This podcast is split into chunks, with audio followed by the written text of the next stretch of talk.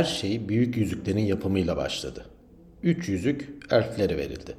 Tüm varlıklar içinde ölümsüz, en bilge ve en adil olanlara. Yedisi cüce efendilere, büyük madenci ve zanaatkarlara. Ve dokuz yüzük insan ırkına bahşedildi. Varlıklar içinde güce en düşkün olana. Bütün ırklara hükmedecek gücü muhafaza ediyordu bu yüzükler. Ama hepsi kandırılmıştı. Mordor diyarında hüküm dağının ateşlerinde gizlice dövmüştü karanlıklar efendisi Sauron. Diğerlerini hükmedecek tek yüzüğü. Bütün acımasızlığını, kinini ve tüm yaşamlara hakim olma iradesini kattı bu yüzüğe. Hepsine hükmedecek tek bir yüzük.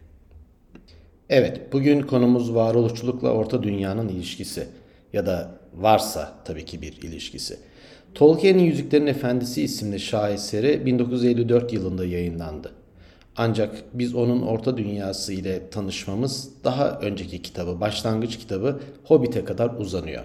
Hobbit'in yayınlanma tarihi 1937. Hobbit bir çocuk kitabı olarak yazılmış ya da en azından öyle değerlendiriliyor ama Orta Dünya mitolojisinin tamamına baktığımızda sanırım artık onu bir çocuk kitabı olarak değerlendirmek pek de doğru olmayacaktır. Ha bu arada çocuk kitabı olsa da bu tabii ki kötü bir şey değil. Bugün biraz e, orta dünyayla, varoluşçulukla ve bu ikisi arasındaki ilişki üzerine konuşma şansımız olacak. Orta dünya tabi sadece Tolkien'in kitaplarında geçmiyor. Pek çok mitolojide bu kavramın izini bulabilirsiniz. Örneğin Türk mitolojisinde benzer kavram var. Hatta direkt olduğu gibi orta dünya olarak geçiyor. Ve insanların yaşadığı, şu anda bizim de üzerinde olduğumuz, bildiğimiz, tanıdığımız, e, kendi varlığımızı sürdürdüğümüz bir dünya. Onun altında ölülerin yaşadığı bir alt dünya ya da aşağı dünya var ve yukarıda da tabii ki tahmin edebileceğiniz gibi tanrıların dünyası bulunuyor. Benzer bir yaklaşımı Yunan mitolojisinde de görüyoruz. Ona belki biraz daha tanıdığız, daha popüler olduğu için yer altında yaşayan Hades'in ve yukarıda yer alan Olimpos tanrılarının hikayelerine hepimiz fazlasıyla aşinayızdır diye düşünüyorum. Biz yeniden Tolkien'e dönelim. Yüzüklerin Efendisi'nin orta dünyası bize varoluş ve yok oluşla ilgili neler fısıldıyor? Bunu söylemeden önce ya da bunun üzerinde biraz spekülasyon yapmadan önce Tolkien'in bir notunu bir kere daha sanırım hatırlatmakta fayda var. Ne zaman Orta Dünya ile ilgili bir şey konuşacak olsam bu hatırlatmayı yapmak zorunda hissediyorum kendime. Çünkü Tolkien bu tür analizlere şiddetle karşı çıkan birisiydi. Yarattığı hikayenin ya da yarattığı hikayelerin, yarattığı o evrenin farklı metaforlarla, benzetmelerle ya da bir takım kavramları açıklamaya yönelik uygulamalarla, fikir cimnastiğiyle sanırım kirlenmesini de çok istemiyordu. Aslında açıkça masallarımı rahat bırakın dedi. E, biz e, bırakmıyoruz tabii o masalları çünkü o kadar etkiledi ki bizi. Yani hem Tolkien'in eserleri hem Le Guin'in eser, Ursula Le Guin'in eserleri ve daha sayabileceğiniz pek çok isim bize bu dünya ile ilgili, sonrasıyla ilgili, öncesiyle ilgili, evrenle ilgili pek çok şeyi anlattı. Bugün fakat gündemimizde Tolkien var ve Orta Dünyası var. Tabi e, bu konuda çok daha bilgili olan, çok daha uzman olan dinleyicilerimiz mutlaka olacaktır. Özellikle Tolkien fanlarının bu konudaki bilgisi gerçekten olağanüstü. Bu nedenle çok dikkatli de konuşmaya çalışacağım herhangi bir hata yapmamak için. Ama e, varoluşla ve yok oluşla ilgisinin çok yoğun olduğunu düşündüğüm bir üçlemeden, Yüzüklerin Efendisi'nden tabii ki bahsedeceğiz. Yüzüklerin Efendisi aslına bakarsanız büyük bir yolculuk hikayesi. Ve yolculuk varoluş için en sık kullanılan metaforlardan bir tanesi. Çünkü bizim yaşamdan ölüme doğru uzayışımızı ya da ona yaklaşımımızı, e, yakınlaşmamızı aktaran, anlatan bir metafor. Frodo, Sam, Pippin ve Merry'nin başladığı bu yolculuk 3 cilt boyunca inanılmaz serüvenlere, inanılmaz maceralara konuk oluyor tabii ki. Ve e, yüzüğün kaderini dolayısıyla Orta Dünya'nın kaderini belirleyecek olan bu dört hobbit birlikte yolculuğa çıktıklarında aslında ne onlar ne de biz henüz onların başlarına gelecekleri konusunda herhangi bir fikre sahip değiliz. Tahminimiz zor olacağı yolculuğun ki hobbitlerimizin de tahmini zaten bu. Ama yine de bu yolculuğa çıkıyorlar. Yüzük Frodo'da hatırlayacaksınız. Çünkü e, taşımak için gönüllü olan tek kişi o. Öncelikle onu unutmayalım. Yani Frodo kendi özgür iradesiyle bu yüzüğü taşımak için gönüllü oldu. Tabi konsey üyeleri ki özellikle de Gandalf Frodo'nun diğer hobbitlerden farklı olduğunu, içindeki gücün yüzüğün onu bozmasını engelleyeceğini düşünür. Çünkü yine hatırlayacağınız gibi yüzüğü eline alan hatta ona yakınlaşan kişilerin kişiliklerinde çok onarılamayacak arızalar çıkmaya başlıyor. Kelimenin tam anlamıyla çürütüyor, yok ediyor. E, bunun en iyi örneğini Gollum'da görüyoruz. Ona birazdan tekrar değiniriz. Dolayısıyla herhangi bir kişinin gönüllü olarak bu yüzüğü taşımayı istemesi zaten çok beklenen bir durum değildi. Ama Frodo bu seçimi yaptı. Yüzüğün gerçekten ne kadar kuvvetli olduğunu e, mesela ona yaklaşan, sadece yaklaşan bu arada elinde hiç tutmadı elflerin önemli isimlerinden Galadriel'de hatırlayacaksınız. Hem kitapta hem de sinemada ki sinemada görsel olarak çok kuvvetli bir şekilde gösterdiler. Galadriel yüzüğü sadece gördüğünde içindeki kötülüğün, içindeki hırsın dışarıya çıkmasını engellemekte oldukça zorlandı. Frodo'da hiç görmediğimiz ya da Frodo'da en azından o kadarını görmediğimiz bir değişime gitti Galadriel ve hemen uzaklaştı. Dolayısıyla çok kuvvetli ve kudretli bir elfi bile etkileyen yüzük Frodo'nun elinde o kadar da belki çok kuvvetli ya da etkili değil.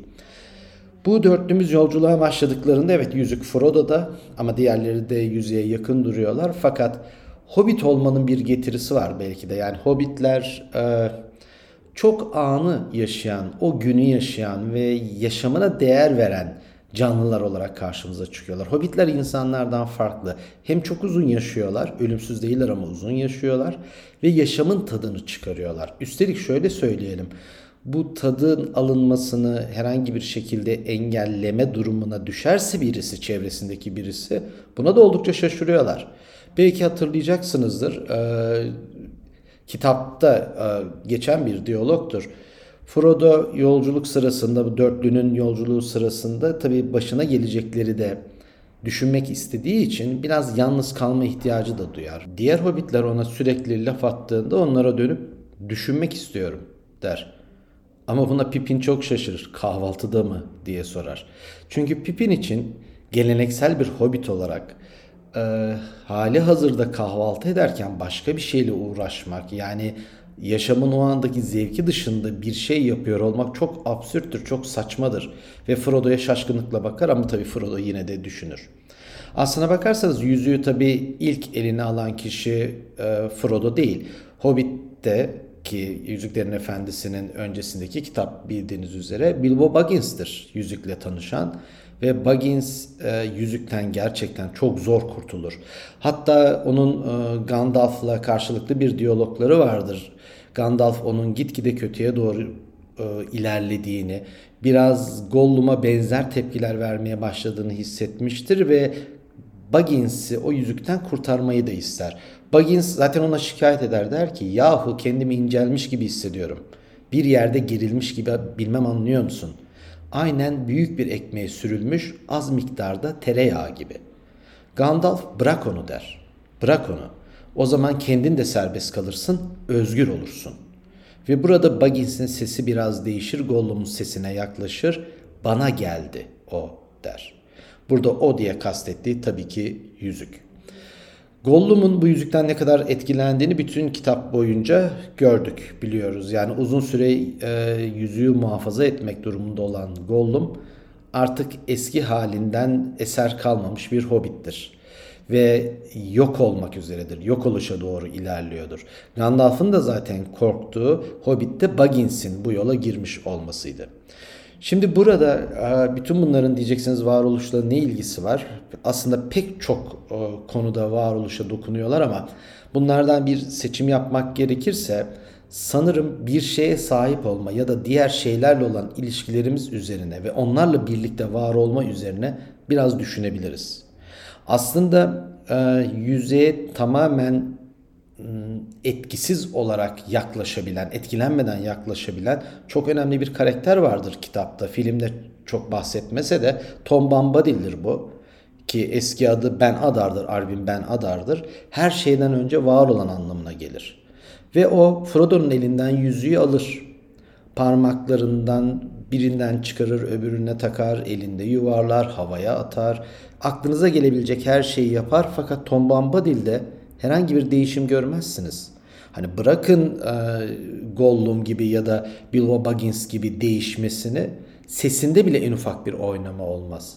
Buna çok şaşırır Frodo tabii ve bunun nedenini anlamaya çalışırken Tom Bombadil'in eşi Frodo'ya yardımcı olur ve ona anahtar bir şey söyler. Der ki sahip olduğunuz hiçbir şeyi yönetemezsiniz. Tom Bombadil hiçbir şeye sahip değil. Hiçbir şeye sahip olması gerekmiyor. Böyle bir hırsı, böyle bir düşüncesi, böyle bir isteği yok. Çünkü o herkesten ve her şeyden önce var olandır zaten. Bütün ırkların doğuşunu görmüştür, bütün savaşları görmüştür, bütün tarihi görmüştür. Böyle bir canlı ya da böyle bir varlık açısından baktığınızda nesneler, şeyler, etrafımızdaki her şeyi kastediyorum tamamen önemsizdir. Dolayısıyla Tom Bombadil asla ama asla bu yüzükten etkilenmeyecektir. Aslına bakarsanız bu e, eşyaların bizim üzerimizdeki etkisini söyleyen başka bir isim daha var. Karl Marx. Marx'ın şeylerin fetişi kavramı var. Pek çoğunun tahminen aşina olduğu. Şeylerin fetişinden kastımız şu aslına bakarsanız. Bir ağaç kütüğü alıyorsunuz. Bunu uygun bir şekilde kesiyorsunuz. Altına dört parça ayak yerleştiriyorsunuz ve sonra masa diye satıyorsunuz. Bunun sadece masa olarak satılması önemli değil. Biz o masayı aldığımızda ona sahibiz ve zannediyoruz ki o masayı biz yönetiyoruz. O artık bizim oldu. Buna farklı bir açıdan da bakmamızda sanki fayda var Tom Bombadil'i düşünerek. Acaba biz miyizdir masaya sahip olan? Yoksa onunla kurduğumuz ya da kurmak zorunda olduğumuz ilişki nedeniyle biz mi masanın esiri durumundayız ya da o mu bize sahip? Bunu sanırım biraz daha uzun uzun düşünmemiz gerekiyor. Bir podcast konuşması içerisinde tabii tek, teknolojinin nimetlerinden faydalanan bir insan olarak teknolojik eşyaların ya da çevremizdeki işte o her şeyin kötü olduğunu, olumsuz olduğunu ya da bizi etkilediğini söyleyecek değilim. Bu çok mantıklı olmaz. Ama yine de belki başka bir örnek olarak şunu verebiliriz. Cep telefonlarımızı düşünelim, akıllı telefonları. Merak etmeyin kimseden çıkar telefonunu deyip örneğini istemeyeceğim ama en azından şunu düşünebiliriz. Bizim hayatımızı ne kadar yönlendiriyorlar değil mi? Biz onlara sahibiz yani para verip satın aldık. Normalde o eşyalar bizim. Ama o eşyalarla birlikte yaşadığımızda bütün davranışlarımızı, zaman akışımızı, zaman planlarımızı, o dakikalarda, saatlerde neler yapacağımızı artık telefonlar belirliyor. Gelen bir mesaja bakmamazlık etme şansımız yok. Ya da e, kullandığınız sosyal medya ağlarına hiç bakmadan bir gün geçirmeniz çok kolay değil. Dolayısıyla her şeyle olan ilişkimiz artık bizi de yönetmeye başlıyor. Şunu söylemiyorum tabii ki. Yani biz özgür kalalım diye bütün bu teknolojik aletleri ortadan kaldırmamız gerekmiyor. Ya da en azından benim için gerekmiyor. Öyle bir şey savunmuyorum ama e, en azından bizim onlarla ilişkimizin ne olduğu konusundaki farkındalığımızı unutmamamızda fayda var. Tekrarlıyorum biz onların sahibi değiliz. Marx'ın dediği gibi onlar bizim sahibimiz bizim için artık o şeyler bir fetiş nesnesi konumundalar. Bunu da engellemek için yapabileceğimiz pek bir şey varmış gibi maalesef görünmüyor. Eğer engellemek istiyorsak tabii ki. Varoluş dediğimizde aklımıza tabii otomatik olarak yok oluş da geliyor ve yok oluş deyince de ölüm. Söz konusu olan ölüm olduğunda burada elfler önemli varlıklar. Çünkü ölümsüzler. Elfler ölümsüz ama öldürülebilirler. Bunu unutmamamız lazım ve bunun ne kadar büyük bir lanet olduğunu düşünmeliyiz sanırım. Şöyle düşünün, yaşadığınız evrende ölümsüzsünüz. Yani normal şartlar altında herhangi bir hastalık nedeniyle ya da yaşlılıktan ya da e, biyolojik bir problemden ölümünüz mümkün değil. Ama yine de birileri sizi öldürebiliyor. Bu sanırım korkunç olurdu. Herhalde böyle bir durumda, böyle bir ölümsüzlük söz konusu olduğunda insanlar korkudan bulunduğu yeri kolay kolay terk etmezdi. Elfler çok öyle değil tabi. Elfler bulundukları yeri terk ediyorlar ama onların başka lanetleri var. Birincisi ölümsüz olmak aslına bakarsanız oldukça sıkıcı. Çünkü her şeyi yaşıyorlar ve hem her şeyi yaşadıkları için hemen hemen hiçbir şeyin de önemi kalmıyor belki de. Onlar da bütün savaşları, bütün çatışmaları görüyorlar. Belki de bu yüzden başlarda çok istekli değiller insanların ve cücelerin yanında yer almaya ve hobbitlerin yanında yer almaya. Ama e, kendi değerleri, ahlak inanışları ağır bastığı için e, onları o büyük savaşların içerisinde de insanların yanında savaşırken görüyoruz. Dediğim gibi ölümsüzler ama öldürülebiliyorlar ve e, ölüler diyarına gittiklerinde tekrar geri gelme şansları da var. Daha doğrusu ölümsüzler ölümsüz topraklara gittiklerinde Undying Lands orijinali oraya gittiklerinde geri dönme şansları var. Ee, ama bu her zaman gerçekleşmiyor. Ee, birinci ve ikinci çağda yanlış hatırlamıyorsam or, or zamanlarda ölen elflerin geri dönüşüne dair hikayeler var. Tolkien'in bütün kitaplarını düşündüğünüzde. Ama Orta Dünya hikayesinde, Yüzüklerin Efendisi hikayesinde geri dönen bir elf görmüyoruz en azından bu üç cilt boyunca. Hatta herkesin kahramanı olan biliyorsunuz Legolas öldürülüyor ve e, bu ölümsüz diyara Undying Lands'e gitmek zorunda gidiyor ve geri gelmiyor. Fakat e, şöyle bir istisna da yapıyor bu arada. Tek başına gitmiyor.